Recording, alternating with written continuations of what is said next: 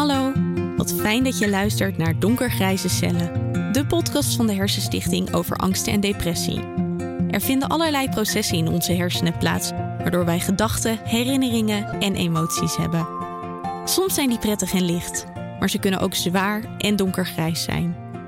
Ik ben Annemiek en als trotse ambassadeur van de Hersenstichting ga ik in iedere aflevering met iemand in gesprek die ons iets kan vertellen over angsten en depressies. Hoe het voelt bijvoorbeeld. Of hoe die processen in je brein precies werken. Ik zit vandaag tegenover Mike, Mike Baudet. En Mike, zou jij jezelf eens willen omschrijven? Wie ben jij?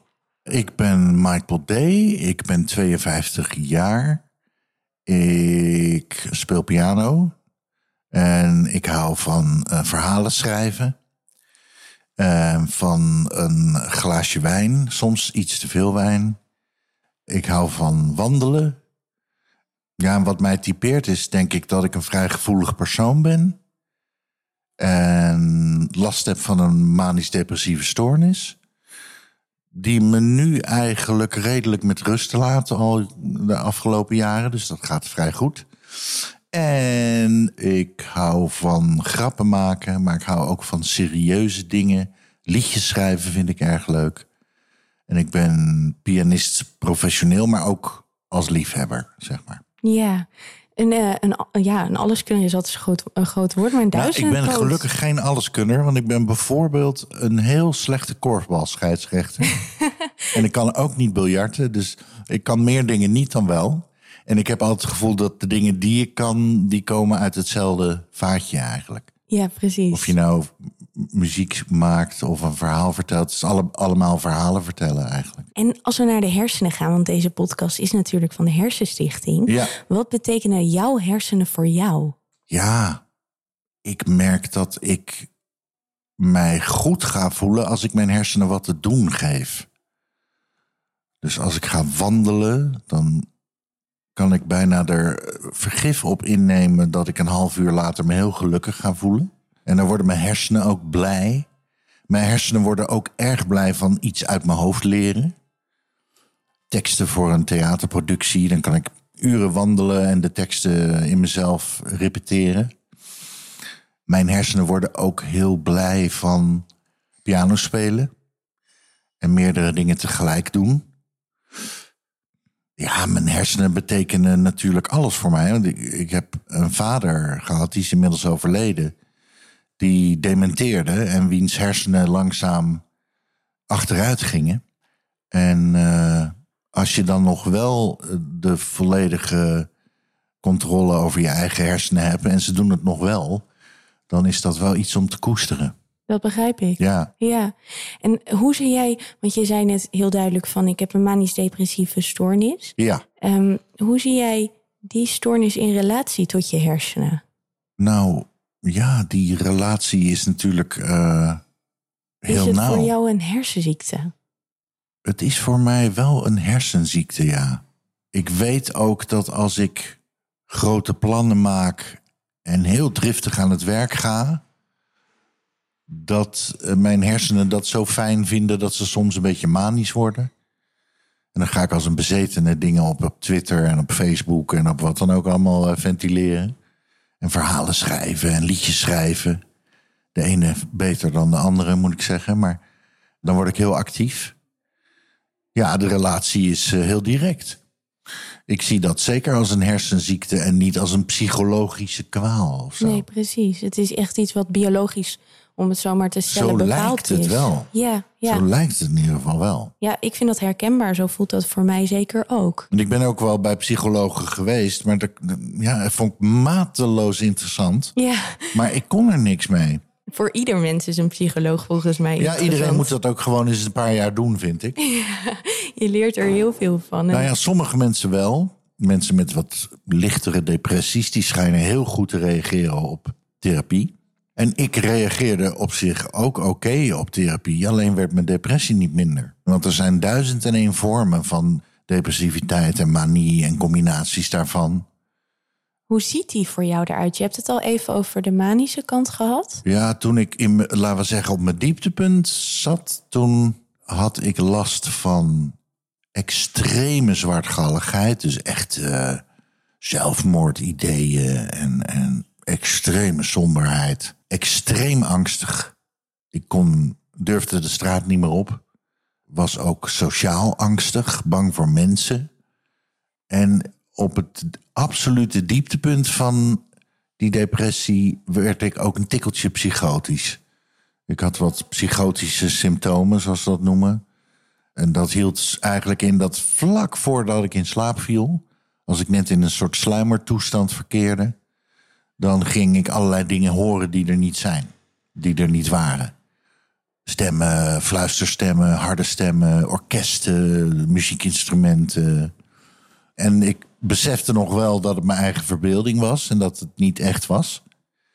Maar op dat moment dacht ik wel, ik ben reddeloos verloren. Dat is gek hè, als je op een soort van metaniveau weet Ja. dat het niet kan, Ja, en dat maar het niet waar gebeurt is. wel. Maar het gebeurt toch. Ja, dat is een heel vreemd verschijnsel. En dat maakt ook in mijn geval heel angstig. Ja, extreem angstig. En dat verergert de symptomen alleen maar. Ja, want je kan het niet controleren. Nee. Je weet dat het niet echt is, Ja. maar je hebt er geen grip op. Ja. Heel Ja, herkenbaar. en het vreemde was dat al die verschijnselen eigenlijk binnen een paar weken verdwenen. Toen ik medicijn ging slikken, wat ik nu nog steeds slik. En ik kon God op mijn blote knieën danken. Dat ik dat pilletje kreeg uiteindelijk van mijn psychiater. Want toen was het binnen een paar weken, was ik eigenlijk. moest ik wel revalideren. Je moet dan weer eh, wennen aan het leven. Maar ik durfde weer de straat op. Ik wilde eigenlijk ook wel weer alleen wonen. Mijn eigen optrekje hebben. Eh, ik begon je woonde allerlei... bij je ouders weer, toch? Ik woonde bij mijn ouders in die tijd, ja. Ja, precies. Ja, het was eigenlijk de keuze of opgenomen worden of bij mijn ouders wonen. Ja, toen wist ik het wel, want ik was heel goed met mijn ouders. Dus En inmiddels, hè, want je zei het al, gelukkig gaat het de laatste jaren heel goed. ja. Hoe zorg jij naast die pil eh, voor je hersenen? Zijn er dingen die je, nou ja, eigenlijk heb je het al een beetje gezegd natuurlijk, wandelen en iets Ja, te dat doen te het. geven? Dat is het belangrijkste, denk ik. Ja, ik speel natuurlijk heel veel piano. En ik merk dat mijn hersenen heel erg moe worden van studeren. Maar het wel prettig vinden om, om iets te hebben om, om een tanden in te zetten, zeg maar. En het wandelen is eh, voor mij heel belangrijk. Dat geeft me een geluksgevoel. En eh, dat probeer ik elke dag te doen. Dat lukt niet altijd. Maar ik vind wandelen een van de. het- Als ik mezelf dit nu hoor zeggen, dan denk ik: God, als 15-jarig jongetje had ik dit spectaculaire, truttige onzin gevonden. maar ik vind wandelen een van de mooiste dingen die er zijn. Het is ook zo simpel, hè? Je hebt er niks voor nodig. En je voelt gewoon dat je hele lijf er baat bij heeft. Herkenbaar. Ja, Voor mij is het ook hardlopen. ja ik kan me voorstellen. Ja. Dat heb ik ook heel lang gedaan tijdens mijn depressie. Ja. Ja, dat is toch op een of andere manier ja, even je lijf aan de gang zetten en, en daardoor niet te veel in je hoofd hoeven zitten. ja exact. Ik vind het wel interessant, want wij hebben dus een estafettevraag van eh, ja. ehm, in dit geval Leonie Burggraaf. En het Ja. sluit heel erg aan op waar we het net over gehad hebben. Dus ik wil hem eigenlijk maar gewoon stellen. Ja, kom maar door. Ik ben gewoon heel benieuwd naar hoe hij die periode heeft ervaren van als een depressie op een gegeven moment, ja, hoe je het ook wil noemen, dat je het meer onder controle hebt of, of meer vertrouwen hebt in jezelf. Hoe je dan ook weer vertrouwen krijgt dat je mag gaan leven. Ha, goede vraag. Dat duurde best lang. Daar heb ik toch wel, nou, misschien wel twee jaar over gedaan. Ik ben gaan werken, maar was extreem onzeker. En ik merkte vooral dat ik helemaal niet meer gewend was om om te gaan met stress. Ik was niet meer gewend om om te gaan met 's ochtends op tijd ergens zijn. Ik was niet meer gewend om deadlines te hebben en daarmee om te gaan. Om dingen op tijd af te hebben. Want ja, in zo'n zo'n depressie, die duurde bij mij zeven jaar. Dan ben je volledig buiten spel, zeg maar. Je staat ook helemaal buiten Je staat buiten de samenleving. Ja, En, en alles wat stress eh, veroorzaakt, dat schuif je even tijdelijk aan de kant. Dat zet je in de ijskast. En als je dan weer stress moet gaan dragen. Ja, dat heeft bij mij een paar jaar geduurd voordat ik weer een beetje mijn vertrouwen terug had. Voordat ik weer vertrouwen in mezelf had en vertrouwen in de wereld. En voordat ik ja, dat soort niveaus van, van spanning en, en verwachtingen weer aankon. Ja, het heeft lang geduurd. Ja, weer heel herkenbaar voor mij. Je komt uit zo'n diep dal en uit zo'n afzondering ook. Het is een hele geïsoleerde wereld waar je Ja. je eerst in begeeft. Ja. En dan ineens is de maatschappij, en zeker de maatschappij waarin wij leven, zo intens. Ja, daar heb je geen idee van als je er middenin zit. Nee, En als je er buiten zit, wat zijn we met z'n allen aan het doen? ja. Wat is dit? Nu met de corona hebben we het allemaal een beetje ervaren natuurlijk. Ja, maar ik had dus bijvoorbeeld, eh, om, om even een heel concreet voorbeeld te geven. Ik had op een gegeven moment een baantje. Ik dacht, laat ik nou niet een al te stressvolle baan doen als eerste baantje. Ik had geprobeerd als geluidstechnicus aan het werk te komen. Ik had een soort opleidingje gedaan. Toen heb ik in een tekenfilmstudio gewerkt, maar daar was de stress veel te hoog voor mij. Als je een fout maakte en de volgende technicus moest dat herstellen, dan werd de tijd die dat kostte van jouw gewerkte tijd afgetrokken en zo. Het ging heel hard aan toe. Dus toen ben ik quizvragen gaan maken. Ik had echt moeite om ochtends op tijd op het werk te zijn. Ik moest lang rijden naar Hilversum vanuit Rotterdam. Als ik achter het stuur zat, 's ochtends vroeg, dan viel ik in slaap achter het stuur. Dus dan moest ik de auto weer langs de kant van de weg zetten. En dan lag ik per ongeluk ineens drie kwartier of een uur te tukken. Kwam ik veel te laat op mijn werk. Moest ik s'avonds overwerken. Was ik weer te laat thuis. Het was een hele moeilijke tijd. Het was echt moeilijk om weer in dat harde ritme van die tredmolen, zeg maar, te komen. In alle verwachtingen die daarin zitten. Ja, want dan moest ik eh, in, in één dag moest ik 30 lucky letters vragen maken. En eh, nou, waanzinnige stress. Had ik waanzinnig veel stress van. En zijn er dan dingen waarvan jij zegt van nou, als ik terug op die tijd kijk, dan heeft dit of dit me echt geholpen? Dat zou ik anderen aanraden. Ik denk dat een van de dingen die mij geholpen heeft, is om heel goed te kijken naar wat je wilt. En je heel bewust te worden van wat je grootste droom is, zeg maar. En om als je je rot voelt erover te praten. Dat lucht vaak enorm op. Mensen waarderen het als je openhartig tegen ze bent. Althans, de meeste. Sommigen vinden je stom. Maar goed, daar trek je je weinig van aan op een gegeven moment. Denk je van, nou ja, jij dan maar niet. Maak ik met jou geen contact. So what? Ga ik ook niet dood aan. Nee. Dus praat erover. En realiseer je ook dat aan onzekerheid nog nooit iemand dood is gegaan. Onzekerheid mag. Het is eh, vervelend, het is lastig, het hindert je. Maar het is niet verboden. We leven in een vrij land. En, en niemand gaat er dood aan. Dus Sterker moet nog, het iedereen gewicht- zal ooit onzeker Iedereen geweest zijn. ervaart Zelfs het. Trump. Ja. Iedereen ervaart het. Trump is diep onzeker. Dat, dat, dat zie je van een afstandje. Ik ruik het van een afstandje. Zeker als je het zelf kent, dan ruik je het gewoon. zitten heel wat kilometers tussen. Ja, ja. Dus het is niet erg. Het komt in de beste families voor. Dus je moet het gewicht van, van onzekerheid en spanning ook weer niet groter maken dan het eigenlijk is. Wat zou jij tegen iemand zeggen die op dit moment iemand in zijn omgeving meemaakt die depressief en angstig is? Tja, wat zou ik die willen meegeven? Beweeg veel. Blijf bewegen. Zoek de buitenlucht op. Het groen, het bossen, vind ik altijd heel eh, genezend om doorheen te lopen. Praat erover. Praat met je partner. Ik ben misschien niet de ideale persoon voor deze vraag, omdat ik zelf in de tijd dat ik depressief was geen partner had. Nee. Nee, maar het kan ook een vriend zijn. Het kan ook een leraar op school zijn die Ja. ziet dat ehm, zijn leerling dat het daar echt niet goed mee gaat. Zijn er dan dingen die jij prettig vond misschien? Nou, het, wat ik het grappig vond was dat sommige mensen waarmee ik dacht dat ik een hele nauwe band had, die haakten een beetje af.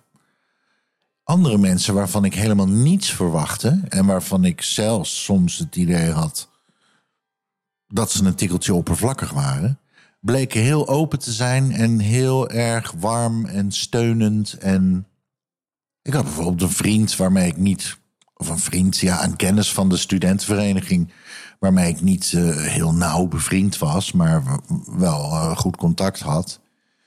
En die zei op een gegeven moment tegen me van, joh, zal ik je gewoon elke week een keer bellen? En dan lullen we wat, en het maakt niet uit waarover. En dat heeft hij ook gedaan, belde elke week, jarenlang. Dus realiseer je dat er mensen zijn die afhaken, maar dat er ook uit onverwachte hoek ineens iemand kan komen die wel iets voor je kan betekenen. En misschien is het ook goed om dat dan toe te laten, want dat is ook niet altijd even En laat het toe, ja, precies. Ja. Dat is ook moeilijk. Ja, zonder je niet af, zou ik ook zeker zeggen. Zonder jezelf niet af. Zoek je familie op, de mensen die je kent. Leg het ze uit. En laat ook voor je zorgen als het nodig is. Ja, durf steun te vragen heel is ook een belangrijke. Ja, Ik merk aan heel veel mensen dat ze moeite hebben om steun te vragen, omdat ze zich ervoor schamen. Terwijl, als iemand aan mij steun vraagt, ik me ook bevoorrecht voel dat ik die persoon kan helpen. ja, Dan, dan beteken je wat voor iemand. En dat is, dat is een heel fijn gevoel. ja. Denk niet dat mensen daar niet op zitten te wachten. Ja, sommigen niet. Die laat je links liggen. Maar anderen, die, die kunnen heel veel voor je betekenen. Mooi, heel mooi. Ik ga jou nog vragen, heb jij een estafettevraag in gedachten voor Karin?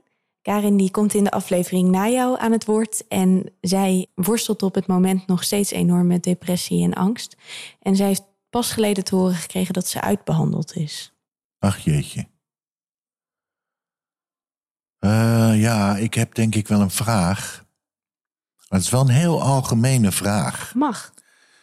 Er Een klein inleidingje bij nodig. Heel even nadenken hoe ik dat moet formuleren. Neem je tijd. Ik weet eh, vrij zeker dat ik een lichaam heb. Althans, ik neem het voor het gemak even aan. Als dat niet zo blijkt te zijn na de dood, dan prima, dan merk ik het wel. Maar vooralsnog moet ik er even voor het gemak van uitgaan dat ik een lichaam heb en dat ik jou zo kan aanraken. En dat dit materie is eh, die uit eh, moleculen bestaat. en dat je dingen voelt. Dat, je dingen, warm is. Dat je, ja, dat je dingen waarneemt. En mijn vraag is... We moeten de eerste geest nog tegenkomen, want ik ben nog nooit een geest tegengekomen. En toch denkt iedereen dat de mens bestaat uit lichaam en geest. Wat is haar gedachte daarover? Denkt zij dat de geest bestaat? Want eh, ze noemen het wel geestesziekte. Maar voor mij is het nog eigenlijk de vraag of dat wel geestesziekten zijn. Of niet alles met elkaar in Of verbinding het niet staat. allemaal gewoon eh, fysieke aandoeningen zijn. Ja, Hele moeilijke kwestie. heel, heel interessant. Ik ga het haar stellen. Ja, oké. Ik ben Dankjewel, benieuwd. Laat mooi. me nog even wel het antwoord weten als je wil. Natuurlijk doe ik dat. Dankjewel. Graag gedaan. Bedankt voor het luisteren naar deze aflevering van Donkergrijze Cellen. De Hersenstichting investeert in hersenonderzoek, geeft voorlichting en zet zich in om de patiëntenzorg te verbeteren. Jij kunt ons hierbij helpen door te doneren, maar ook door deze podcast te delen. Vond je de aflevering interessant of herkenbaar? Laat het ons weten via social media met de hashtag Hersenstichting. Wil je meer weten over depressie en angsten? Ga dan naar hersenstichting.nl/depressie.